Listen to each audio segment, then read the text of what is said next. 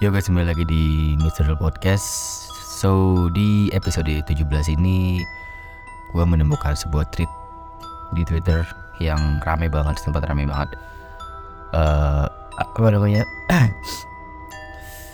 uh, ini tweetnya lumayan panjang Jadi akan gue bikin berpart mungkin Entah sampai part 2 atau sampai part 3 Karena gue gak tahu nih panjangnya sampai seberapa gue baru ngulik setengahnya doang dan pas gue scroll lagi ternyata masih panjang banget. So here we go. Ini judulnya agak unik nih. Kawanku si pemuja pohon blimbing yang ngirim adalah si Ed Balakarsa. Behind true story. Jadi ya semoga ceritanya tidak seunik sama judulnya. Oke langsung aja kita mulai. Sebelum mulai jangan lupa pastikan lampu kamar kalian sudah mati pakai headset full full and here we go kawanku si pemuja pohon bling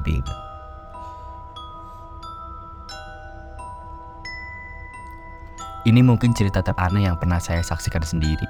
Bahkan terkesan saya masih tidak percaya kalau kawan saya bisa menyekutukan Tuhan yang kita percayai sendiri, kita percayai dari bayi. Semoga tidak ada yang seperti ini kawan. Nauzubillah. Kejadian ini bermula ketika kawan lama saya yang dulu pernah kenal dalam pendakian semasa SMA. Kami mengenal dan akrab dalam beberapa tahun.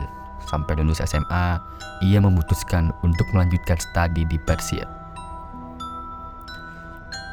Sepertinya ia sepertinya ia, sepertinya ya ia daratan Timur Tengah. Kami langsung tidak pernah saling berkomunikasi lagi. Entah, tapi mungkin karena kami sudah terpaut jauh akan jarak dan juga sibuk dengan kehidupan masing-masing. Kami tak pernah tahu dan menjadi asing, sampai lima tahun bergulir dengan cepat. Waktu bagaikan tanaman yang merambat dengan sangat subur. Kering, dering gawai melambai, meminta untuk segera digenggam. Assalamualaikum Bal. Ucap salam seseorang dari seberang telepon, yang entah siapa aku tak pengenal suaranya. Waalaikumsalam. Siapa ya? Jawabku salam. Kulanjutkan dengan bertanya. Ah, kamu lupa dengan kawan lamamu? Tanya balik ia padaku. Maaf, kamu siapa? Tanyaku sopan balik padanya, karena memang aku tak mengenal siapa orang itu. Lalu, hei, aku Hamam. Masa iya kamu lupa denganku? Jawabnya padaku dengan tawa lepas. Sepersekian detik aku sedikit berpikir dan mengingat sesuatu. Oh, kamu tuh, Mam. Pangling aku sama suaramu. Jadi berat ya suaramu, tapi nggak terdengar. Seperti suara rakyat. Ledekku. Kurang asem. Dari dulu aku nggak pernah berubah. Bercandanya aja. Bercandanya ada. Bercandanya ada aja yang di ujung jurang. Meski candaan itu hanya keluar ketika sudah benar-benar kenal kamu aja. Dikurangin bercanda kayak gitu. Ingat kita itu minoritas. Palu keadilan selalu memukul yang tak berdaya ceramah Hamam. Alah mam, mentang-mentang kamu udah belajar di Timur Tengah, kamu jadi suka ceramah. Tapi aku sedikit suka dengan sikapmu. Sekarang kamu sudah berubah, nggak kayak dulu lagi yang mabuk agama. Sekarang jadi lebih bijak dalam menegur orang lain. Aku masih ingat kalau kita naik bareng dan aku bercanda tentang penderitaan rakyat dan kenakalan remaja. Kamu selalu menegur menegurku, menegurku dengan keras. Bahkan kamu sampai mengeluarkan hadis-hadis beserta ayat-ayat suci untuk menegurku. Hmm, menjadi dewasa itu menyenangkan ya. Itu pun kalau kita bisa menerima dengan lapang dada akan kegagalan dan pencapaian yang telah kita lalui sebelumnya. Hmm, menjadi dewasa. Ucapku panjang lebar. Hmm, malah curhat. By the way, aku udah pulang ke Indonesia beberapa pekan lalu. Main ke rumah sini. Sepi di rumah nggak ada siapa-siapa. Hitung-hitung aku juga mau balas dendam karena kamu gak pernah balas SMS-ku. Di telepon juga bisa. Dasar payah. Ucap Hamam. Hehe, maaf. HP ku yang lama itu rusak. Aku ganti baru. Toh kartu lama aku juga udah hangus. Ucapku. Halah banyak alasan kamu kampret. Cepet ke sini. Nanti kita bakar-bakar ayam. Ucap Hamam. Loh, bentar mam. Bukannya dulu aku pernah main ke rumahmu dan abang abimu marah-marah? Ah nggak jadilah, males kalau kejadian itu keulang lagi, malu. Ucap keluhku. Tapi aneh, Hamam tiba-tiba terdiam. Ada sedikit suara, juga gigi yang saling berbenturan. Dan sebenarnya aku pulang ke Indonesia karena Abi dan Umiku meninggal akibat kecelakaan. Dek, jantungku seperti berhenti dalam beberapa detik. Lalu kurasakan pompaan darah begitu cepat naik ke jantungku. Apa bodoh, aku tak sadar sudah menyakiti hati seseorang tanpa sengaja. Innalillahi wa inna ilaihi rojiun. Maaf mam, aku nggak tahu. Ucapku penuh penyesalan. Gak apa-apa kok, namanya juga takdir. Mari mau kita buat bagaimanapun tidak ada yang bisa mengubahnya. Eh ya udah dulu deh ya, aku ada acara. Kalau mau main ke sini, kabarin aja oke? Makasih waktunya Bal. Wassalamualaikum. Ucap Hamam lalu tutup ter lalu telepon tertutup. Wassalamualaikum Mam. Jawabku meski telepon sudah tertutup. Aku senang, Hamam sudah semakin dewasa. Satu minggu kemudian, waktu itu aku ke rumah Hamam, sepi dan tak ada siapa pun. Waktu itu masih sore dengan gemerlap jingganya. Ku buka gerbang tinggi dengan beberapa tanaman rambat yang melilitnya. Assalamualaikum, Mam. Salamku, namun tak ada sahutan. Kembali lagi aku mengucapkan salam bahkan sampai ketiga kalinya tak ada sama sekali jawaban. Sampai terdengar suara benda tajam sedikit lembut yang disabitkan entah ke mana. Aku ikuti suara itu dan dari mataku aku lihat Hamam sedang menyayat-nyayat tubuhnya sendiri dengan pedang yang sedikit lentur. Darah bercucuran dari luka yang ia buat.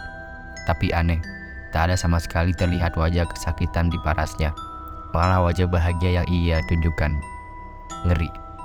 Aku masih mengamatinya dari kejauhan, tapi lama-lama aku tak tahan dengan apa yang sedang dilakukan Hamam. Sampai sampai ketika ia mem memposisikan pedang itu ke lehernya, ia dengan memejamkan mata dan senyum seolah bahagia. Aku sudah tak tahan. Hamam! Teriakku dengan keras padanya. Sontak, Hamam langsung membuka matanya. Tapi aneh, matanya tidak seperti mata manusia pada umumnya. Pupilnya begitu kecil, mungkin hanya seukuran setitik tinta. Kamu sedang apa, Mam? Kenapa kamu menyakiti diri kamu sendiri? Tanyaku serius pada Hamam. Ia hanya cengengesan, tidak menjawab sama sekali. Bahkan seolah ingin mengalihkan pembicaraan. Mam, jawab, Mam. Desakku pada Hamam. Ia hanya mengelus kepala lalu tersenyum. Nggak apa-apa kok, aku cuma sedang latihan ilmu kebal. Eh, ternyata tidak kebal. Jawabnya dengan kata remeh-remeh. Kemudian, Hamam memintaku menunggunya di rumah di ruang tamu. Dan aku menyetujuinya. Kamu bebersih dulu. Nanti aku rawat lukamu biar tidak infeksi. Ucap kepada Hamam. Sambil berjalan menuju ke dalam rumahnya, ia kembali tersenyum. Langkahku sedikit terhenti sebentar, entah kenapa. Tapi, tapi aku menoleh. Ada yang sedikit aneh dari Hamam. Sepintas kulihat, ia seperti sedang berbicara namun dengan bahasa Ibrani, Arab, dan juga bahasa Farsi. Mungkin akan sedikit terdengar seperti doa-doa jika kita tidak pernah mendengar percakapan dengan bahasa itu. Tapi, aku bisa memastikan bahwa itu bukanlah doa-doa ataupun percakapan biasa, melainkan percakapan dan pujian kepada sosok tak kasat mata. Dan Hamam sedang berinteraksi dengan pohon belimbing besar itu. Sedikit berkedip ketika melihatnya, namun aku mencoba diam saja. Aku tak mau mencampuri urusan orang lain. Jika itu tak ada kaitannya denganku, aku pun melangkah masuk rumah dan duduk di ruang tamu. Sebuah ruang tamu yang cukup nyaman dengan beberapa pajangan-pajangan kaligrafi yang begitu indah. Nih, minum. Lempar sebotol minuman kolak dari Hamam dilemparkan padaku dan kutangkap dengan sigap. Makasih, Mam. Hmm, Hamam berjalan pelan dan mendekat untuk duduk di sampingku. Kita mulai berbincang banyak hal. Meski aku penasaran akan apa yang diperbuat Hamam tadi. Tapi tetap aku harus menahannya. Entah karena apa, tapi aku memiliki firasat tidak bagus jika aku menyinggungnya. Eh bentar, aku belum sholat maghrib. Aku izin sholat dulu ya. Pintaku pada pintanya padaku. Eh iya, aku juga mau sholat. Berjamaah aja kita mam. Kangen aku dengar kamu baca surat-surat pendek. Bujukku.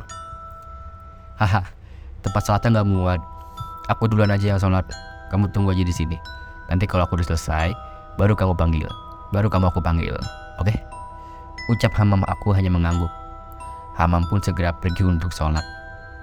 Hmm, cukup lama, bahkan terlampau lama. Karena jam maghrib itu singkat, aku memilih untuk menyusul Hamam ke lantai atas. Karena katanya tempat sholat ada di lantai atas. Tapi ini mungkin hal yang membuatku terkejut. Ketika aku mencari di mana tempat wudhu, aku melihat salah satu bilik kamar. Bilik kamar yang pintunya sedikit terbuka. Ketika aku buka, aku melihat Hamam sholat, tapi dengan cara yang berbeda. Meski gerakan sholatnya itu memang serupa, tapi ia membelakangi kiblat. Dan ketika ayat akhir, ada sunnah bacaan agar terhindar dari fitnah dajjal. Tapi Hamam seolah membacanya, tapi dalam arti yang berbeda. Ada beberapa kata yang dia ubah. Lalu, entah itu nyata atau aku berhalusinasi, tapi samar-samar Aku melihat sosok bertanduk dan berkata dalam bahasa Persia pada Hamam dalam doa mengadahnya.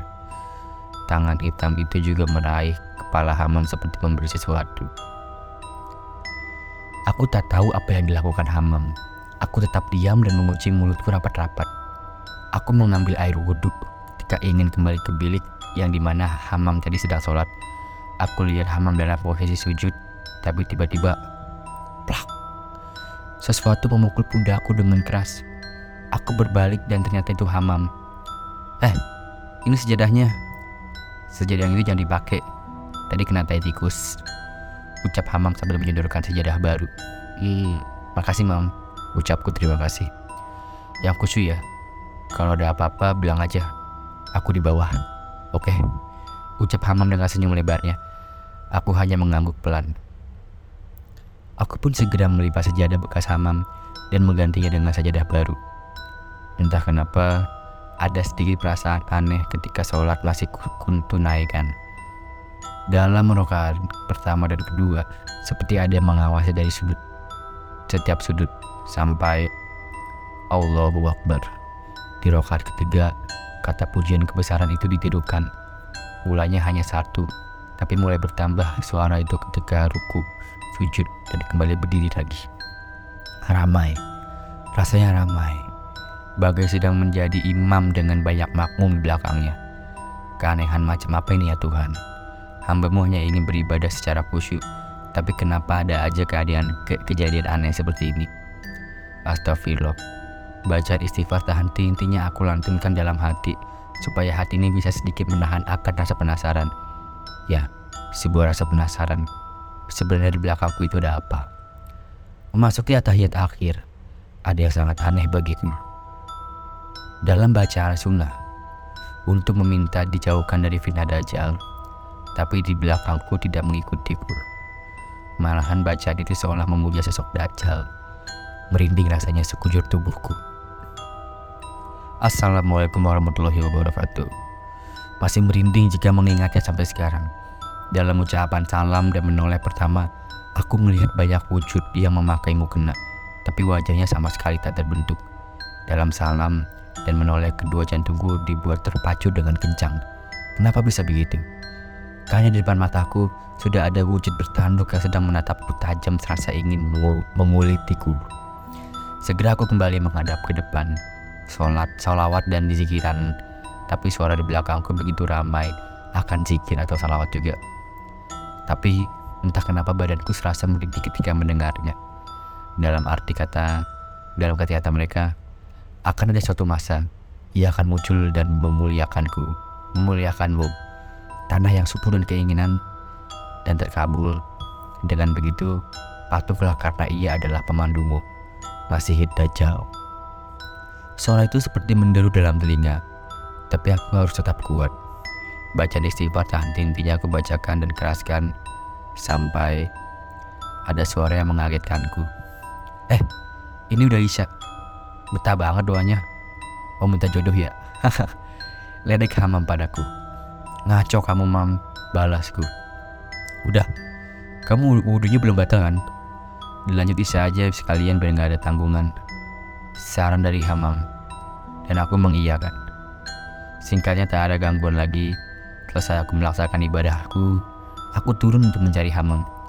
Tapi ke sana kemari aku tidak menemukan batang hidungnya. Lalu terdengar lantunan ayat-ayat suci terdengar merdu. Namun bukan kesan adem dan nyaman yang aku rasakan, tapi ada rasa was-was dan merinding. Aku ikuti di mana arah sumber suara itu berada. Dan alangkah terkejutnya tatkala aku melihat pintu toilet yang lupa terkunci dan sedikit terbuka ketika aku intip Hamam sedang membaca kitab suci di toilet dengan posisi berjongkok di atas jamban. Aku kebingungan, kenapa Hamam melakukan itu? Padahal ketika kita berjongkok dan menyebutkan nama Tuhan atau pujian saja dilarang. Kenapa Hamam malah membaca ayat suci di kamar mandi? Lampu-lampu mulai berkedip dan tiba-tiba semuanya gelap. Di dalam toilet suara Hamam sudah berhenti, tapi berganti dengan suara yang sangat berat. Mendengar suara mendengar suaranya saja aku merasakan hal yang berbahaya. Semacam rasa merinding yang luar biasa. Aku merinding tanpa pikir panjang, aku memutuskan untuk pergi dari rumah Hamam secepatnya. Dan aku putuskan untuk tidak lagi ke rumahnya. Beberapa bulan berlalu, aku hanya sesekali lewat depan rumah Hamam. Jika ada aku, jika ada aku, sapa tempat mampirnya. Dan ada cerita yang cukup mencengangkan dari beberapa orang tentang Hamam. Salah satunya adalah ketika Hamam berbicara dengan sesuatu yang tidak jelas, tapi di akhir obrolan itu selalu ia mencium pohon belimbing di rumahnya. Ada juga cerita dari orang yang katanya punya kelebihan. Orang itu berkata bahwa Hamam selalu dikelilingi oleh makhluk tak kasat mata dan rumahnya adalah pohon di belimbing itu. Sosok yang menemani Hamam bukan asli daerah ini, tapi itu dari jauh dan dekat dia sang akhir zaman. Entah kenapa cerita orang-orang itu hanya anggap saya anggap sebagai cerita, karena saya belum pernah berinteraksi dengan yang katanya pendamping Hamam. Pada akhirnya, saya memutuskan untuk menjauhi Hamam karena saya sadar manusia tidak di jalan yang sama. Wow, wow, wow, wow, wow, wow, wow, wow, wow, wow. Uh, ini udah kelar tweetnya. Ternyata ya, planningnya awalnya pengen bikin berpart satu part 2 ternyata nggak jadi. Ini udah kelar tweetnya dan ini uh, serem. Maksudnya kayak lu punya friend, punya teman, dan lu datang ke rumahnya sendirian rumahnya sepi part part fuck partnya adalah ketika lu mau sholat di biliknya itu penuh dengan dajjal dan tak gue kalau di posisi si penulis kayaknya gue nggak sanggup berlama-lama di rumah itu serem cuy oke okay, thank you banget yang udah dengerin podcast Misterio. Jangan lupa follow agar tidak ketinggalan uh, episode-episode yang akan datang. Thank you for listening. Bye bye.